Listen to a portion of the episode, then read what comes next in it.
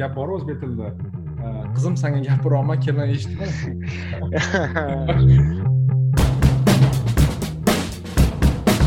слишком такой dogmatично o'ylashyaptida ha oshiradi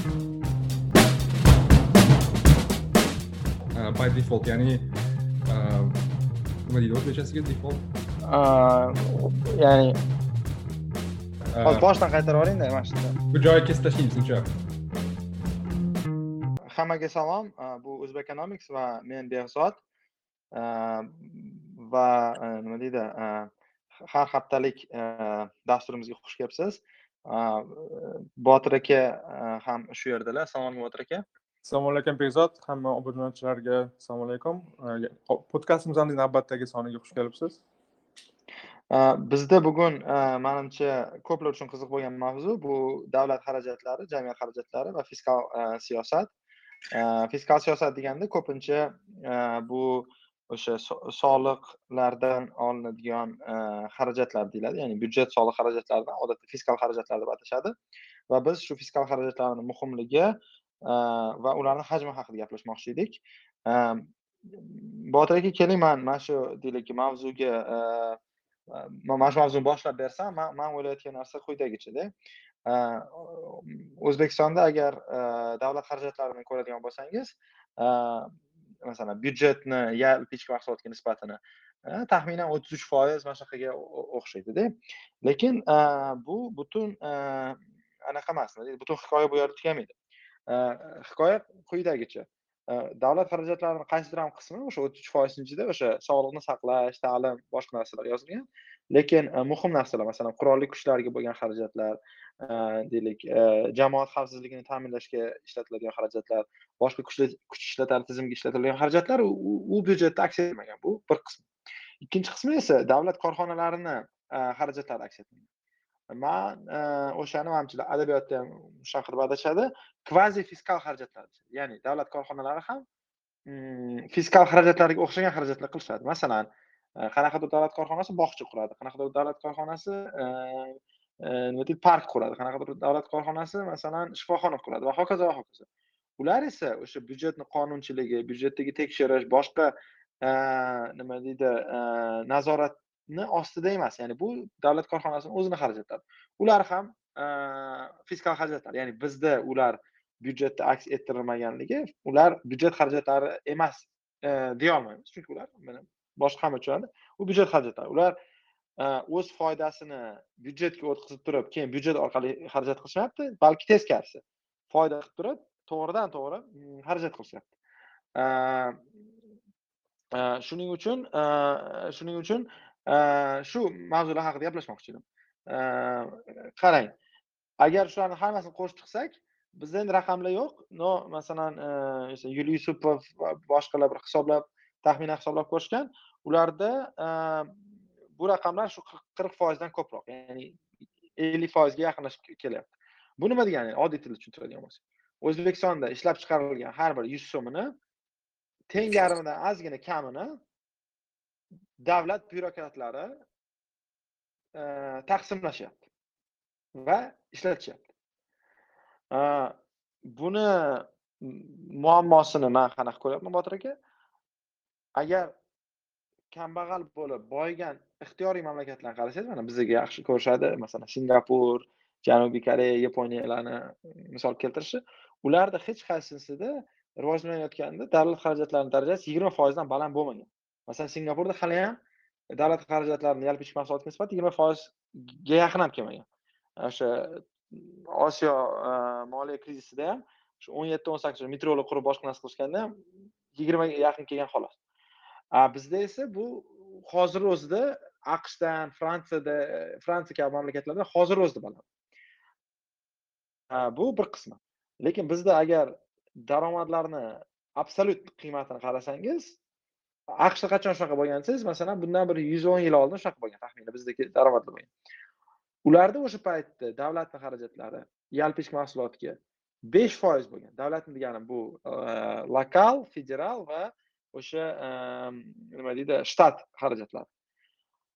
Endi savol tug'ilyaptida shuncha ko'p pul ishlatadigan shuncha ko'p jamiyat pulini davlat orqali ishlatsak biz rivojlana olamizmi va bu narsa bizni ko'p muammolarimizni ildizi emasmi degan bir savol tashlamoqchiman. Shu siz shu haqida bir suhbatlashmoqchiman.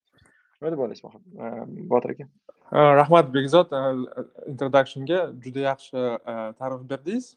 Davlat xarajati deganda o'zi ko'pchilik e, noto'g'ri tushunchaga ega bo'ladi. Masalan e, birda tushum bor xarajat bor. Tushum deganda biz bilamizki o'zi umuman davlatni mablag'lari degan narsa o'zi umuman noto'g'ri narsada. Masalan e, bu davlatni hisobiga kelgan bu davlatniki bu davlatga tegishli degan narsani o'zi noto'g'ri. Chunki agar davlat byudjetiga qarasangiz ixtiyoriy yilda asosiy qismi shu soliqlar ya'ni Э, o'ta asosiy qismi shu soliqlar orqali e, qo'shimcha qiymat solig'i yoki mulk yer solig'i va e, va shunga o'xshagan soliqlar orqali e, byudjet shakllanadi va o'z o'zidan savol tug'iladiki davlat o'ziga shunday funksiyani olgan ekan demak bu jamiyatning soliqlarini xolisona taqsimlash bu eng birinchi muhim darajali masala bo'lib turishi kerak va siz aytganingizdek bu ellik foizli qirq ellik foizli foizli davlat xarajatlari bu juda juda katta.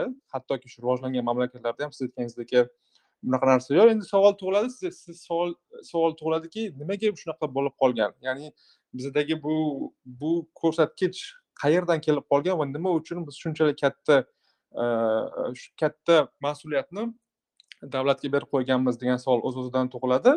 Va o'shandan so'ng e, bitta narsani aytib o'tishimiz kerak e, shu masalan davlat byudjeti va e, xarajatlarni shakllanishda shu fuqarolarning e, o'rni juda ham muhim bo'lishi kerak. Masalan e, shakllanishda siz ham ko'p aytasiz gapirasiz ya'ni parlament bu gapni qaytarishdan biz to'xtamaymiz shu parlament va shu parlament orqali aholini shu byudjet shakllanishida qatnashishi bu o'ta muhim masala hisoblanadi va man xohlardimki har birimiz ham masalan o'zimizga qanaqadir taxminan bir belgi qilib olishimiz kerak. Masalan yuz so'm solig'imizni qancha qismi shu davlat qaysi yo'nalishga ishlatyapti?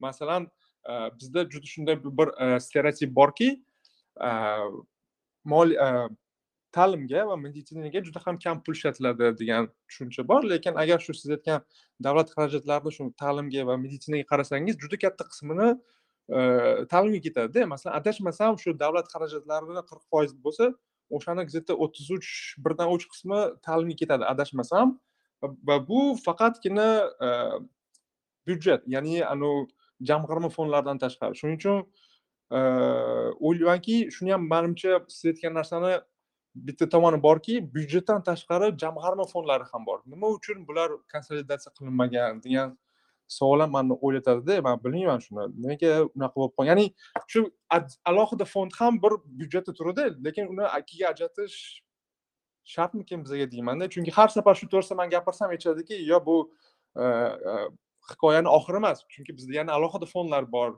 byudjetga kirmaydigan degan shuning uchun e, bu to'g'risida ham manimcha biz ko'p gaplashishimiz kerak deb o'ylayman. Ha rahmat ha. Bu hozir anavi gapirayotgan byudjetni uchdan biri ta'limga ketadi byudjetni qaysidan qismi sog'liqni saqlashga ketadi. Lekin o'zi agar konsolidatsiya qilingan byudjetni qarasak ya'ni konsolidatsiya qilgan byudjetni ichida ham anavi e, aytayotgan ko'p masalan xavfsizlik boshqa narsaga ketayotgan mablag'lar haqida bizda e, umuman tushuncha yo'q ya'ni bizda jamiyatda demoqchiman bu birinchisi. Ikkinchisi e, anu fondlar ko'pincha davlat e, idoralarida masalan vazirliklarda bor fondlar masalan ixtiyoriy vazirlikda bor ekan masalan ichki ishlardan tortib savdo vazirligigacha hammasida byudjetdan tashqari fondlar bor. Lekin ular ham qanaqadir ham baribir davlat tashkiloti ularni e, hisob palatasi tekshiradi mani qiziqtiradigan narsa masalan davlat korxonalari bor masalan e, navoiy metall kombinati temir yo'llari boshqa. Ular e, umuman endi byudjet tashkiloti bo'lmaganligi uchun ularni xarajatlari xuddi tijoriy tashkilotlardek ko'riladida lekin masalan bilamiz masalan ular shifoxona qurishadi yoki temir yo'llar park quradi masalan. Shaharni ichida park qurish bu absolyut fiskal xarajat. Э, lekin uni hisob kitobi э, byudjetchalik shaffof masalan byudjet xarajatlarni mana biza э, o'zbekiston hukumati moliya vazirligi deylik xalqaro valyuta jamg'armasiga topshiradida nima deydi qog'ozda o'shda yozilgan mana bizda byudjet deylik o'ttiz uch foiz deb yoziladida anaqada e, e, yalpi ichki mahsuloti qismi. Lekin o'ttiz uch foiz bu nima desam ekan bu moliya vazirligini byudjetida ani qolgan tarqatilgan qismi kirmaydi ichiga. O'shanga e, man anaqa qiladigan narsa bu o'sha shaffofsizligi katta muammo. Lekin shaffofsizlikdan tashqari hajmida lekin e, mana shu e, qanaqa kelib qoldik deb savol berdingiz man o'ylaymanki masalan mm, bu natural protsess ya'ni o'zi ixtiyoriy mamlakatda o'ylaymanki o'sha davlatda ishlaydigan odamlar har doim davlat xarajatlarini kattalashtirishga harakat qilishadida. Masalan Э, aqshdan tortib boshqa mana hozir aqshdagi diskussiyalarni ko'rsangiz bo'ladi. Hamma diskussiyalar shu davlat xarajatlari haqida. Lekin e, ixtiyoriy mamlakatda ham albatta ixtiyoriy davlat tashkilotini xodimi boshlig'i o'ziga byudjet ko'proq bo'lsa yaxshi bo'ladi. Masalan ta'limda ham ko'proq pul bo'lsa yaxshi deydi sog'liqni saqlashda bo'lsa yaxshi deydi sportda yaxshi madaniyatda yaxshi boshqa ixtiyoriy e, nima deydi tashkilot e, idora vazirlikda hamma aytadiki e, byudjet e, pulimiz ko'p bo'lsa yaxshi deydi o'sha lekin man o'ylayman o'zbekiston unikal bir qismi shundaki e, bizdagi nafaqat byurokrat va chinovniklar shunaqa bo'ladi balki jamiyat ham shunaqa bo'ladi mana ixtiyoriy jamiyatdagi muammo bor masalan bilmadim bolalar kam kitob o'qiydi masalan. Okey bu masalani hal qilish uchun byudjetdan lasetti beraylik ko'p kitob o'qigan. Yoki mana ixtiyoriy jamiyat muammosini ko'rsangiz hamma yechimlar masalan man ko'p kanallar o'qiyman maqolalar o'qiymanda hech qachon hech kim aytmaydi kelinglar davlatni yoki jamiyatni pulini ketkazishga kamaytirishga bir g'oya beraylik demaydi hammada ko'proq ketkazishga mana tarixni bilishmayapti odamlar kino olish kerak tarix haqida.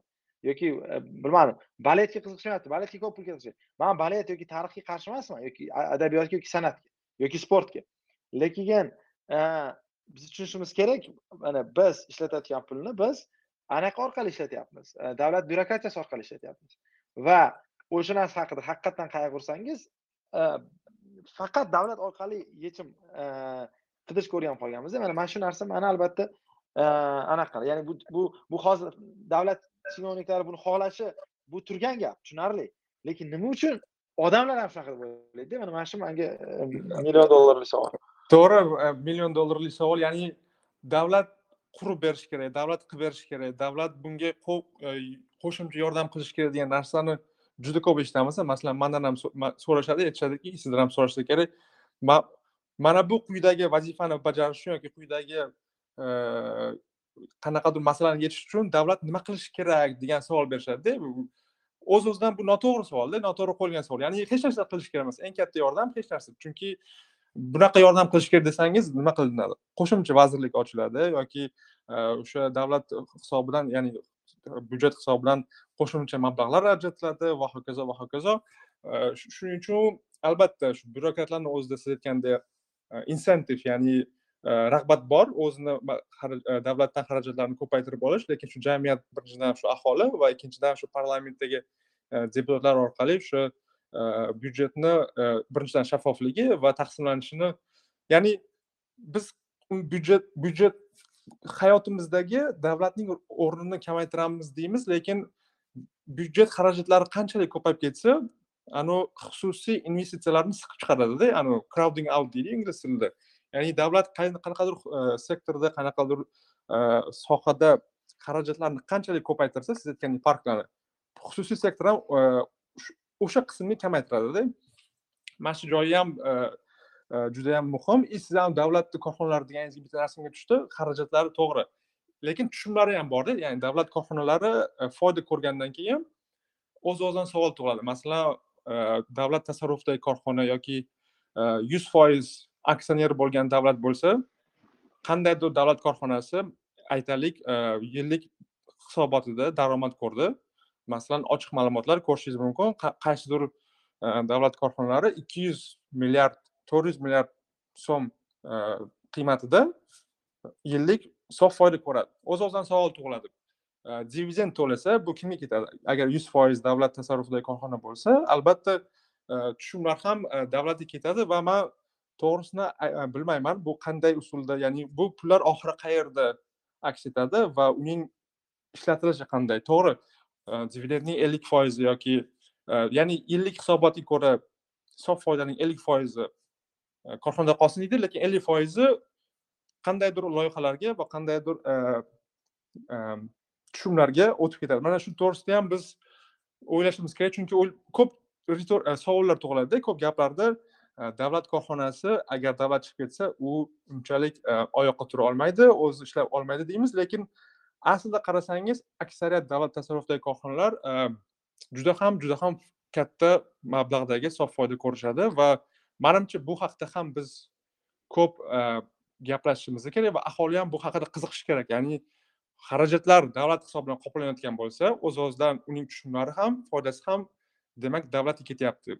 Lekin u davlat o'sha pullarni qanday taqsimlayapti va qayerga ketkazyapti degan savol ham manimcha kun tartibi turishi kerak.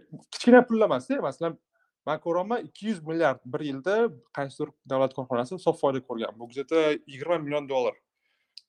Shu shu ham manimcha bu bu bu juda dolzarb masala. Mana qarang mana davlat xarajatlari ko'pligi bu muammo shaffofligi bu muammo lekin o'sha byudjetga tushadiyu pul masalan o'sha moliya vazirligiga. O'sha pulni nazoratchilar ancha ko'pda masalan xalqaro tashkilotlardan tortib hisob palatasigacha baribir ham masalan to'g'ri bizda deputatlar qayerga qaysi pul ketishini hal qilishmaydi bu hamma biladi buni. Lekin shunaqa bo'lsa ham parlamentga olib kirib xo'ja ko'rsinga byudjet haqida qonun qabul qilinadida eng kamida. Lekin davlat korxonalari ishlatadigan pul boru u yerda qonunchilik yo'q ularni deylik muvofiqlashtiradigan. Masalan davlat korxonasini o'sha boshqaruvi xohlasa qayerqa xohlasa qancha xohlasa pul ketkazib oladi. Va o'sha deylik xalqaro valyuta jamg'armasida anaqalarda hisobotlarda boshqa narsalarda u narsa kirmaydi. O'shanga deylik davlat korxonasida qolgan pul to'rt tomoni qibla nima qilsa qiladi? Man o'ylayotganim o'sha davlat korxonalaridagi pulni yo nazorat qanaqa endi? Hukumat nazorat qilishi mumkin agar o'g'irlik bo'lsa deylik prokuratura ish ochishi mumkin bilmayman ming xil lekin u yerda hozir o'g'irlik haqida gapirmayapmanda man maqsadga ishlatish haqida gapiryapman hozir o'g'irlik bu o'ninchi savol. Muhimi masalan e, целесообразность deyiladi ya'ni maqsadga muvofiqmi degan savol o'sha muhimroq. O'g'irlik muhimligi e, tushunarliku. E, lekin mana shu maqsadga muvofiqmi yo'q? Masalan deylik bitta tashkilot yigirma million dollarni olib masalan bilmadim shifoxona qurdi yoki park qurdi yoki boshqasi qildida. Xalq uchun quryapman deyapti park quryapman yoki shifoxona quryapman deyapti lekin agar umumiy qozonga tushganda o'sha yigirma millioni uchdan biri ta'limga ketardi Э, to'rtdan uchi masalan bilmadim э, xavfsizlikka ketardi. Yana qanaqadir qismi suvni tozalashga ketardi boshqa. A hozir ular xuddi o'zini pulini ishlatganda mana biz zato park qurdikku biz zato e, nima deydi hunarmandchilik markazi qurdikku bitta shaharda deydi masalan. O'zi davlat korxonasida e, bu bir. Yana bitta qiziq qismi borki bizada kvazi fiskal xarajatlar deyapman davlat korxonalari ham hatto xususiy korxonalar ham e, hokimiyat va boshqa davlat tashkilotlariga moliyaviy yordam berishadi. Masalan hokim aytadi bizga pul bering deydi davlat tashkiloti pul o'tkazadi anaqa charity ya'ni o'sha xayriya sifatida. Endi savol tug'ilyaptida e, o'sha hokimiyatlar boshqa davlat tashkilotlari o'zini xarajatlarini byudjetga kiritishmayaptida e, qanaqadir bosim o'tkazish yoki boshqa sabablarga ko'ra e, xususiy yoki davlat korxonalariga bosim o'tkazib mana bizga xayriyaga pul beringlar deydi bu ham de facto fiskal xarajatlar. Chunki masalan siz xususiy idora bo'lsangiz e, nima uchun siz hokimiyatga pul o'tkazasiz mana hokimiyatga pul o'tkazish hech qachon brendingizni boshqa narsangizni anaqa qilmaydi o'sha hokimiyat bilan truba yamamoqchi yoki asfalt qilmoqchi? Farqi nima u? Sizni e, do'koningiznikimi sizni e, restoraningiznikimi sizni o'quv kursingiznikimi yoki boshqanikimi? Ya'ni u yerdagi pul aniq aytsa bo'ladi biznes xarajatlar ya'ni buni oxirgi bu yerda anaqa nuqta qanaqaki biz jamiyat sifatida institutlar qurganmiz pulni taqsimlashga masalan oliy majlis masalan moliya vazirligi ular deylik jamiyatga e, hisobdor. Ular masalan hisob hisobot berish kerak qayerda nima uchun qancha pul ketkazgan hisobida. A davlat korxonalarida pul qolishi yoki byudjetdan tashqari jamg'armani pul qolishi bu o'sha protsessdan o'sha pulni olib qo'yapti vaholanki bu ham jamiyatni puli. Nima uchun? Qaysidir jamiyatni puli. Ya'ni biz siz bilan to'lagan soliqlarimizni umumiy qozonni bir hisoblayapmizda a ular qilganini hisoblaymiz oddiy qilib aytsam mana bunaqada agar man aytsamda davlatga. O'rtoq davlat man foyda ko'rdim lekin foydamnichi man o'zimcha anavi jiyanim uchun bog'cha qurib berdim deyapmanda. Lekin e, u ham fiskalku u ham yaxshiku deyapman. Mana bog'cha quryapman yoki mana to'rtta bog' qurdim masalan. Keling man sizlarga soliq to'lamaydi e, yoki pulni o'tkazib yubormaydi. Mana soliq to'lasin bu mani majburiyatimda davlatni oldida. Agar man solig'imni to'lamasdan xuddi o'zimni kallam bilan fiskal xarajat qilib yursam bu yaxshimi yo'qmi degan savol bor. Albatta yo'q. Nima uchun? Chunki man qilgan foydadan soliq bu mani pulim emas bu jamiyatni puli. Xuddi shunaqa davlat tashkilotlari topgan pul u davlat tashkilotlarining boshqaruvini puli emas. Bu e, anaqani puli? Nima deydi? Jamiyatni puli. Shu e, nuqtai nazardan o'ylaymanki mana shu mana shu savol haqida e, ko'p deylik fikrlashimiz kerak. To'g'ri juda anaqa nimada siz aytgandek man ham ya'ni o'g'rilik emas shu e, pullarni xolis ishlatilmasligi kattaroq muammo. Ya'ni korrupsiya deyiladiyu korrupsiyada aslida shu bitovoy korrupsiya yoki pulni berdi oldisini ko'riladi lekin man o'ylaymanki siz aytgandek xuddi o'ninchi ham emas yuzinchi masala. Ya'ni korrupsiya deganda shu siz aytgandek davlatni xarajatlar ya'ni soliq to'lovchilarning e, pullarini noto'g'ri taqsimlash. Bu o'ta eng manimcha bu korrupsiyaning eng asosiy e, manbai deb hisoblanadi. Shuning uchun Э, kim э, aytganku margaret tetchermi ya'ni davlatni puli yo'q faqat soliq to'lovchilar degandan keyin siz aytgandek davlat korxonalari o'z hisobi bilan kimgadir xayriya qilishi yoki boshqa hokimiyatga pul berishi kimgadir spark berishi yoki sport klublarini qo'llab quvvatlashi bu bu natija orqali eng qizig'i o'sha tashkilotlar yoki o'sha davlat tasarrufidagi korxonalar bu biz qilyapmiz deb aytadida ya'ni bizning hisobimizdan kelyapti deb aytadida rus tilida gap borku banket зачем счетda ya'ni soliq to'lovchilar pul to'layapti lekin kimdir unga o'z nomini qo'yib jamoatchilikda shuhrat qozonyaptida. Mana shu narsalarni ham biz o'ylashimiz kerak va har safar biz yangiliklarni ko'ryapmiz. Ya'ni bo'lmagan qandaydir g'alati gaplar biz investorlar va turistlar uchun chiroyli ko'rinish uchun katta katta moshina olishimiz kerak katta katta binolar qurishimiz kerak degan narsalar bu e, davlat hisobidan bo'layotgan ya'ni soliq to'lovchilar hisobidan bo'layotgani bu albatta ozgina qayg'uli ya'ni bu haqida ham biz e, biz ko'p o'ylashimiz kerak va umid qilamanki mana shu parlamentda ham shu ijro hokimiyatiga bir ularni so'roqqa tutishi ya'ni e, mablag'larni taqsimlanish taqsimlangandan so'ng ijrosini va E, disiplinani e, manimcha parlament qattiq ushlab turish kerak va yana bitta sizga e, bitta narsa ko'rib qoldim. Tashqi qarz haqida gaplashgandik. Oldingi adashmasam bitta ikkita podkast oldin tashqi qarzda biz bitta konsensusga kelganmiz ya'ni hamma kelgan. Agar tashqi qarzning mablag'lari kerakli joylarga ishlatilsa uning hajmi ya'ni yalpi ichki mahsulotga qaragan hajmi unchalik qo'rqinchli emas. Ayniqsa o'zbekiston sharoitida.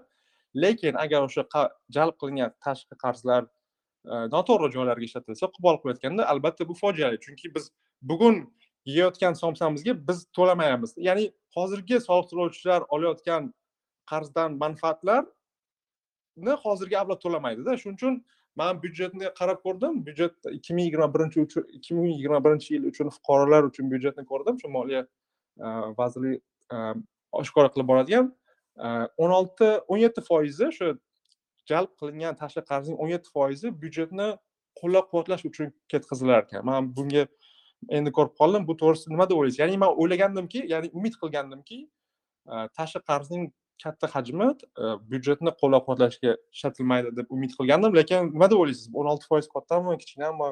Shu to'g'risida ham man o'ylayman man o'ylayman tashqi qarzi masalan e, qismi byudjetga ketkazilishi unaqa bir e, fojiali emas. Ayniqsa hozir masalan krizis paytida hozir tushumlar kamdir shuni qoplashga qilishayotgandir.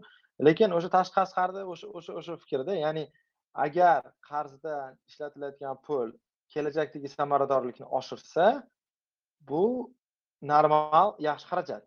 Agar e, kelajakdagi pulni e, yaxshi joyga ishlatmasa bu normal emas. Lekin tashqi qarz haqidagi diskussiyada yana bir muhim narsaki tashqi qarz bilan hozirgi mana gaplashayotgan fiskal siyosat e, masalasi u bitta masala. Nima uchun? Fiskal siyosat degani biz hozirgi soliqlarimizni taqsimlanishini shaffofligi va samaradorligi haqidagi mulohaza tashqi qarz haqidagi mulohaza esa bizni kelajagimizdagi soliqlarni mulohazasi mani judayam o'ylantiradigan va taajjubga solgan bir narsa shundaki o'zbekistonda tashqi qarz qayerga ketyapti degan fikrlar juda ko'p. Buni mana bunaqa tarjima qilsak bo'ladi kelajakdagi soliqlarimizni qayerga ishlatyapsizlar degan gapda bu. A nima uchun kelajakdagi soliqlarni unaqa talabchan bo'lsangiz hozirgi soliqlarni ham talabchan bo'ling degim keladi. Ya'ni hozirgi pullar qayerga ketyapti deyishga ham haqqingiz borku. Chunki e, ma'no shundaki bu hozirgi pul. Man o'ylaymanki bu e, yaxshi odatga o'xshaydi. Masalan agar jamiyat odatlanib qolsa byudjetni shaffof va to'g'ri taqsimlashga u kelajakdagisini ham e, shunaqa ta'minlashni o'rganib qoladida. Hozir masalan mana deylik masalan deylik anaqa gipotetik misol. Tashqi qarzni hammasi yaxshi ishlatilyapti deylik. Man bunga ishonmayman lekin tasavvur qiling. Zo'r joylik ishlatilyapti hammasi zo'rda lekin e, byudjet e, yoki o'sha fiskal xarajatlar noto'g'ri ishlatilyapti deb tasavvur qilsangiz unda tashqi qarz yaxshi ishlatilishini ma'nosi yo'qda. Chunki bu bir bir o'ttiz ikki o'n beshda bu noto'g'ri bu to'g'ri bo'lsa farqi nima bu ham noto'g'ri deganida shuning uchun man o'ylaymanki mana shu tashqi qarz haqidagi e, diskussiyada anaqa masalan tasavvur oila byudjeti borda yuz so'm daromadi yuz so'm qarzi. Qarzini zo'r narsaga ishlatyaptida daromadini masalan bilmadim aroq olishga ishlatyaptida. U anu yaxshi ishlatayotgani to'liq qolmaydiku chunki buni hisobiga yaxshi narsalarni ishlatadi buni hisobiga yomon narsalarni ishlatadi. Unda qarz olish ham ma'nosi qolmaydi. O'sha o'shanga aytayotganim mana shu e, tashqi qarz haqidagi diskussiyada xohlardimki anavi hozirgi soliqlar haqida ham gaplashaylik. Nima uchun tashqi qarz haqida e, deylik. Gaplashaveramiz degan fikr keladi tashqi qarz juda ham e, nima desa bo'ladi? Привлекательный temada ya'ni o'sha sarlavhalarni e, jalb qiladigan ya'ni e, odamlarni diqqatini jalb qilishga osonda tashqi qarz va oltin zaxira valyutalari oltin zaxira valyutalari shu ikkita mavzu juda ham oson odamlarni diqqatini jalb qilishga lekin yil yilma yil bo'ladigan har yili bo'ladigan shu byudjet davlat xarajatlari kerak bo'lsa undan ham muhimroq narsada. Shuning uchun Э, man ham qo'shilardim unaqa tashqi qarz emas avval bugungi ya'ni kelajakdagi emas bugungi e, xarajatlarimiz haqida ham bir kamida bir xil darajada qayg'ursak e, hammamizga e, foydali bo'lardi. Ya'ni o'ylardimki xohlardimki shu masalan yuz so'm to'layotgan solig'ingizni qancha qismi qayerga ketayotganingizni bilishingiz bu sizni sizga bu o'ta nima desam bo'ladi muhim narsada. Shuning uchun byudjetda ko'rinmaydigan siz aytgan shu e, masalan qandaydir mudofaa va va hokazo va hokazo narsalar bir qozonga to'plansa ya'ni har qanday qozonlar kichkina qozonlar har bir ijro hokimiyatida vazirliklarda alohida alohida jamg'armalari jamg'armalari jamg'armalar emas birlashtirilib bitta qozon qilinsa albatta e, jamoatchilikka ham oson bo'lardi deb o'ylayman. Shunaqa fikr и yana tashqi qarz deganda bitta misol esimga tushdi masalan tashqi qarzda ham masalan xuddi siz restoranga kirsangiz agar siz bilsangiz sizga kimdir уже pulni to'lab qo'ygan bo'lsa albatta siz eng qimmat narsani zakaz qilasizda tashqi qarz ham xuddi shunaqa masalan kelajakda kelajakdagi soliq to'lovchilar uchun siz bugun iste'mol qilyapsiz shuning uchun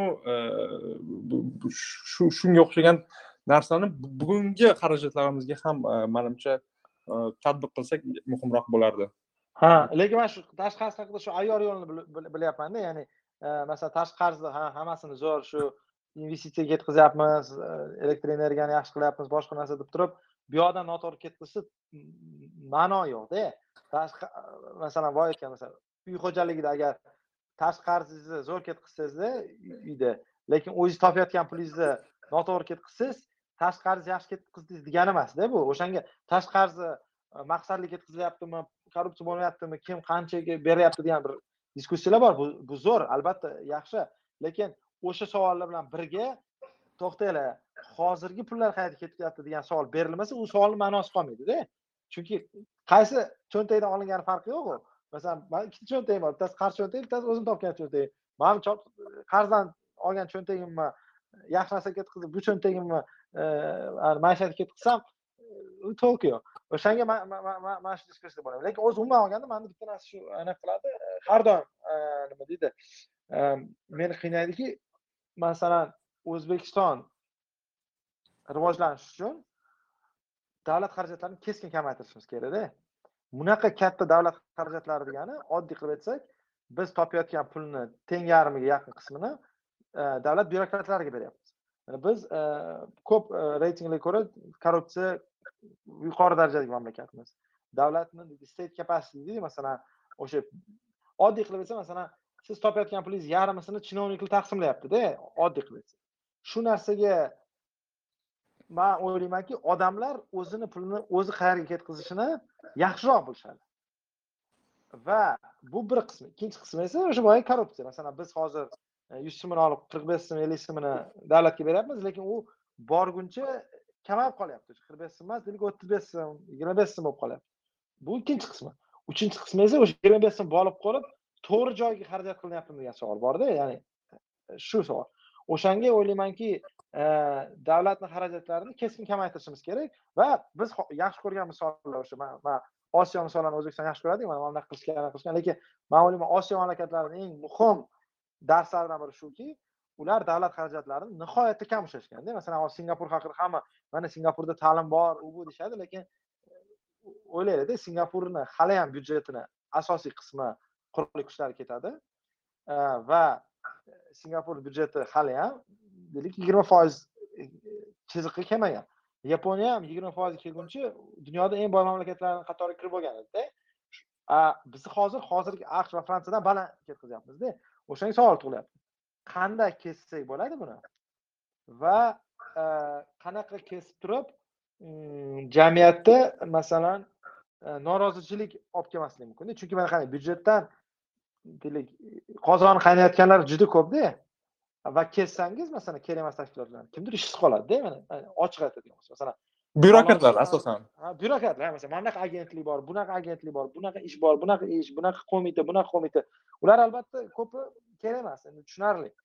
Lekin e, anavi siyosiy iqtisodiy qismi shundan iboratki o'shani kessangiz e, bundan norozilik ko'payadida shu qismini qanaqa o'ylaysiz deb o'ylayapman. E, yaxshi savol.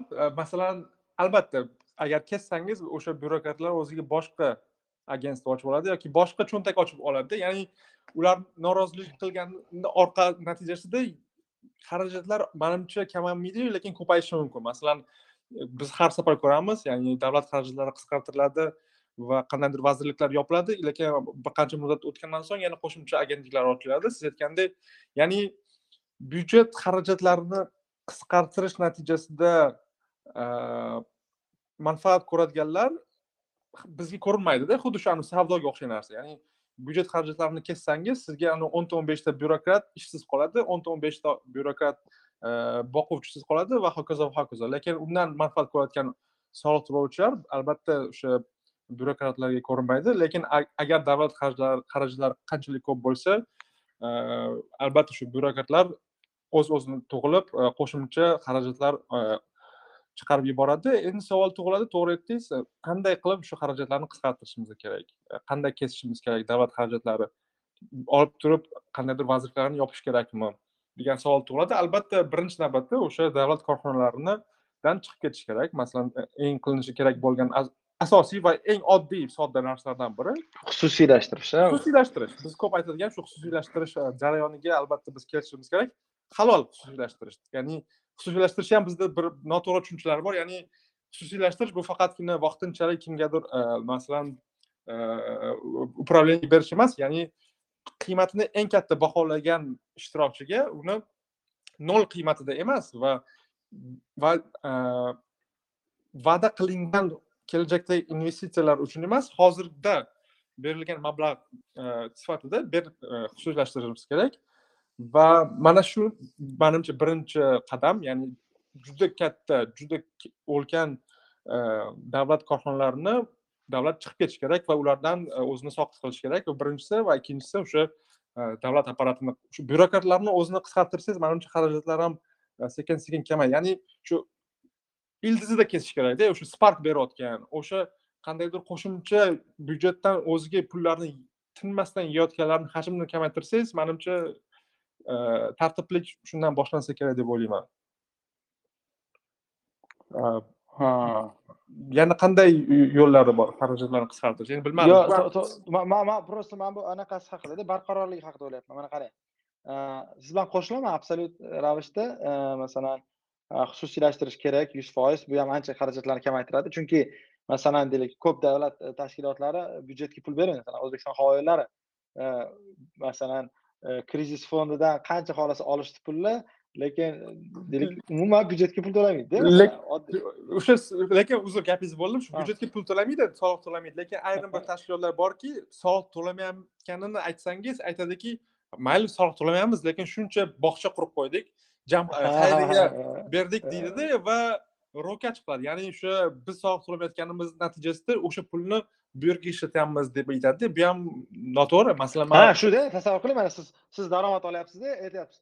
Yo o'rtoqlar man o'zim masalan yaxshilik qildim bog' qurdim masalan jiyanimga мороженое olib berdim yaxshilik qildim bilmadim mahalla asfalt qilib qo'ydimda o'shanga kechirasizlar man soliq to'lamayapsiz bu jinoyatda endi o'zbekiston respublikasida.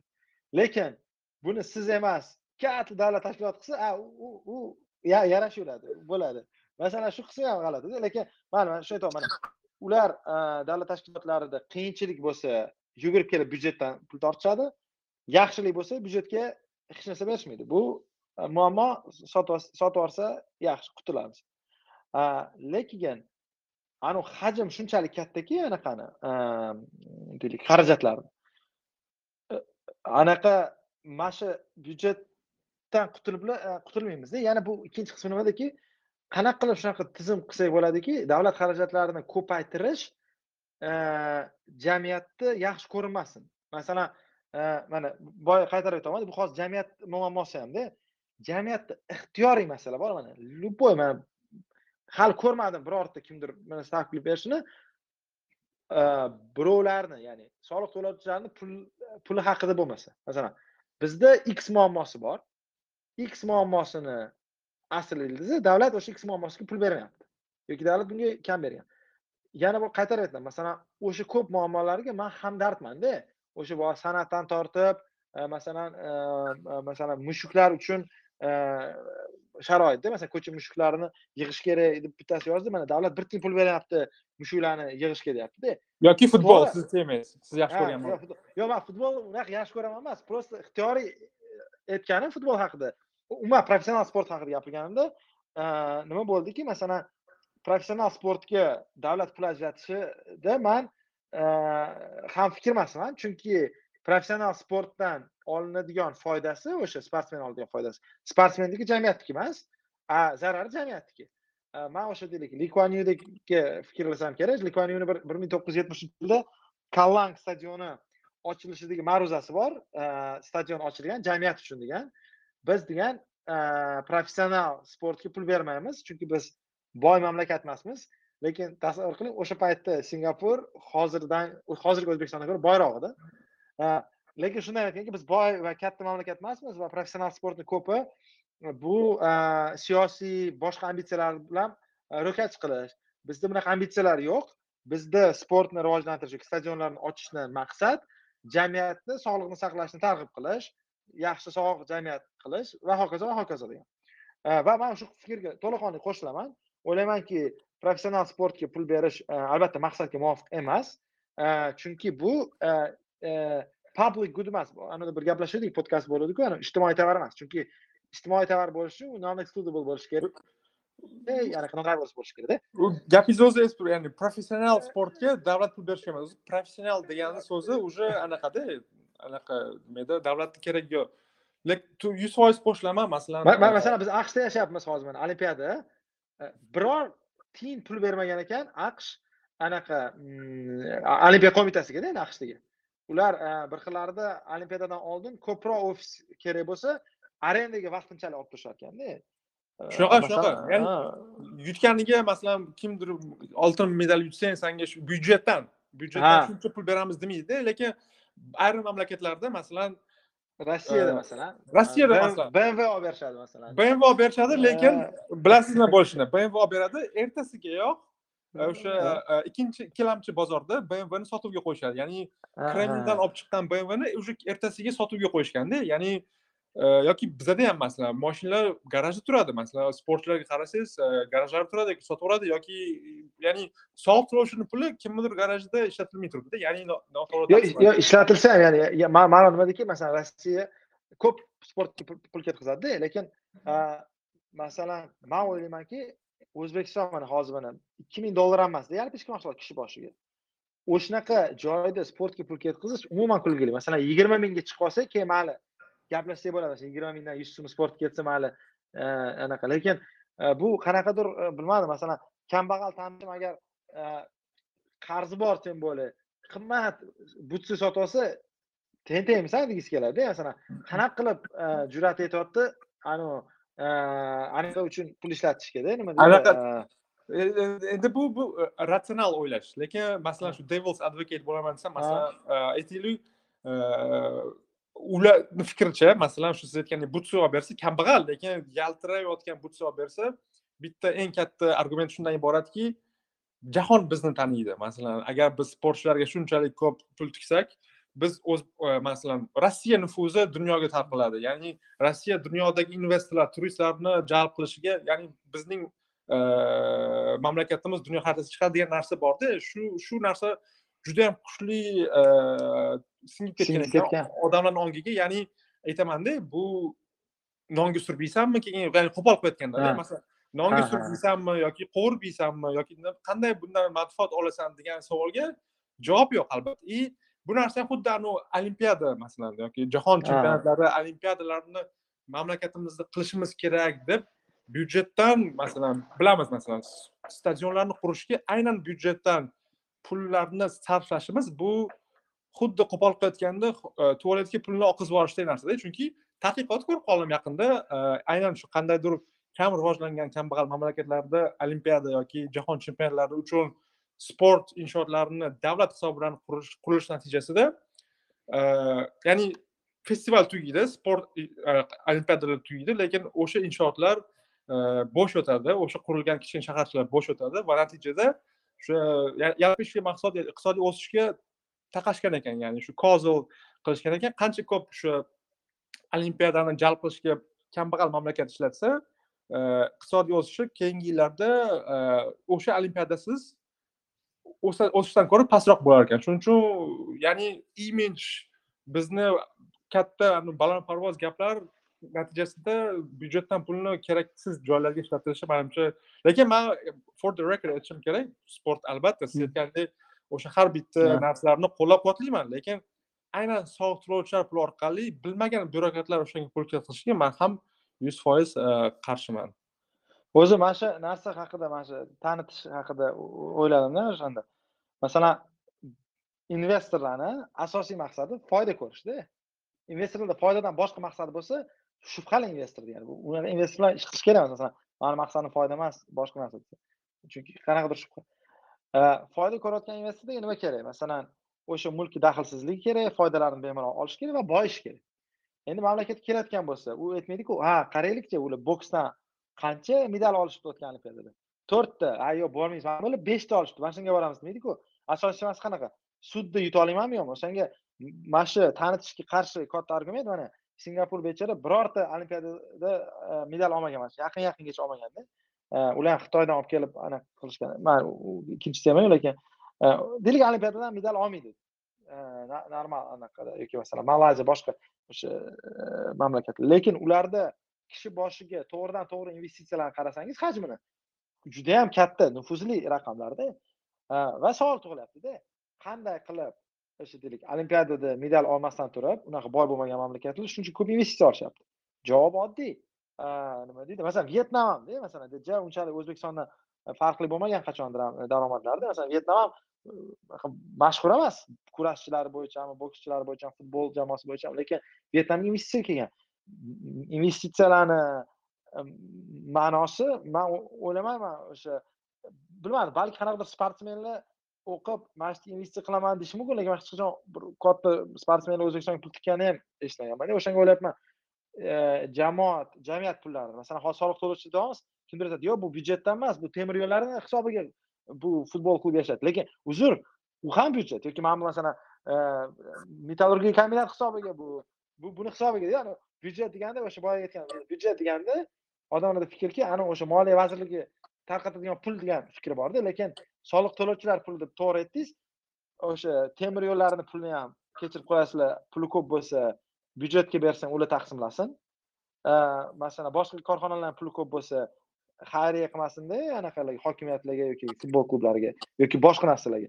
Ular mana shunaqa deydi masalan mana biza bolalar judo bilan shug'ullanish uchun bir narsa qurdik o'shanga uzr bu gal soliq to'lamaymiz shuning uchun o'ylayman bir ikkita narsa ya'ni mamlakatni dunyoga tanitish manimcha e, maqsadga muvofiq emas. E, chunki bu e, zoyi ketkazgan pul aytganingizda xuddi shunaqa masalan man qo'shilaman. Lekin man o'sha jamiyatdagi mulohaza nuqtai nazaridan aytyapmanki nima qilsa bo'ladiki bizdagi insonlar odamlar o'sha davlat ketkazayotgan pulni o'zini pulligini bilib turib o'sha pulni qisqartirish kerakligi haqida tushunchaga ega bo'lishni xohlaydimda mana e, hamma mamlakatda byurokratlar xarajatni ko'paytirish tarafdor ya'ni byurokratlarni bu narsaga e, nima deydi fikrini o'zgartiramiz lekin ikkinchi taraf borda ularda soliq to'lovchilar soliq to'lovchilar aytadiki yo to'xtanglar bizni bu yoqqa pul ketkazgimiz kelyapti deydi.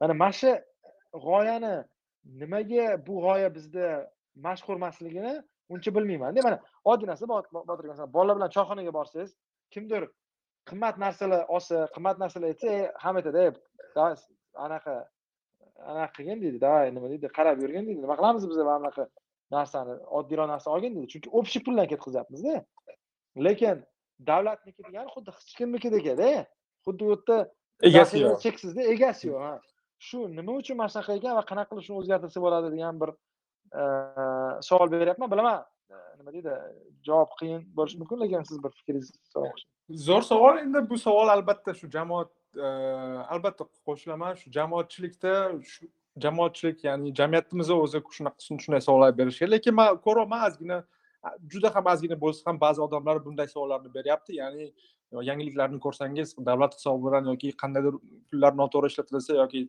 tendersiz qandaydir korxonaga byudjet hisobidan kontrakt berilsa ayrim bir odamlar so'rayapti ya'ni bu ey baraka topgur soliq to'lovchining puliku deb lekin men albatta bunga qanday erishishimiz mumkin? Manimcha e, oson emas javobi lekin albatta har bir inson o'zi bilishi kerakki ya'ni san davlatga pul to'layapsanmi e, soliq to'layapsanmi soliq to'laganingdan so'ng san bilishga haqlisan.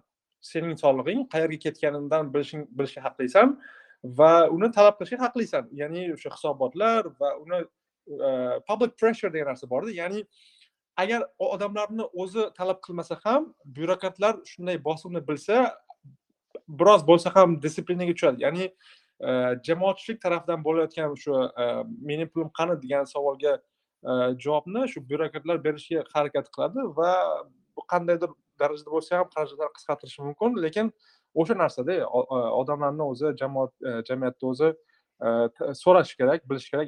Yuz so'm soliq to'ladimmi ya'ni uni o'ttiz e, yuz so'mdan o'ttiz so'mi davlat ta'limga ketkazgan ekan. E qani maktabimga chiqib ko'ray ahvoli qanaqa buni?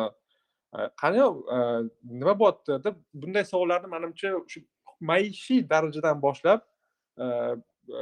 manimcha man shu shu orqali biz erishsak kerak deb o'ylayman va siz aytgandek maishiydan tortib katta darajadagi masalan qandaydir davlat korxonalari ham tartibga solish va ularni xarajatlarini qisqartirish bunga kelishimiz kerak ya'ni biz davlat xarajatlari xuddi rivojlangan mamlakatdada siz boshida aytgandek lekin natija esa rivojlanayotgan mamlakatlardagi emas. Agar xuddi biz hozir shvetsiyada ekanmizda ya'ni xuddi shvetsiya hukumatiga odamlar pullarni ishonib topshirib qo'yganligi u bizdagi ishonch unaqa emasda ya'ni o'zbekiston kabi davlatlar xuddi biz bilgandek shu davlat xarajatlari ko'pligi asoslangan mamlakatlardagi emasda natijalarimiz. Shunisi shunisi qayg'uli. Manimcha ko'p bo'lgani uchun man o'ylaymanki masalan masalan boy odam iste'molga ko'proq pul ketkazadida shunaqa. Lekin boy boymoqchi bo'lsangiz iste'molga ko'p pul ketkazish yaxshi yo'l emasda. Masalan bilmadim shu mana shu iste'mol yoki boshqa masalan aytaylik teatrga boshqa narsaga ko'p pul ketkazadi siz ham teatrga ko'p pul ketkazsangiz ertaga borib ketasiz degan joyi yo'q. O'shanga o'ylayman o'sha shvetsiyalar ko'p pul ketkazishi bu shvetsiyalarni nima deydi могут себе позволить ya'ni o'ziga ep ko'ra olishadi. Bizda esa bu buni anaqa qilishimiz kerak? Mayli manimcha ancha bu haqida gaplashdik. Botir aka katta rahmat. Hozir podkastimizni sekin yakunlaymiz va anaqadan nima deydi tinglovchilarimizdan savollarini sekin olamiz. Zapis uchun hozir gap xayrlashaylik katta rahmat xayr botir aka. Rahmat behroz sizga ham keyingi podkastlarimizda gaplashishimizga ko'rishamiz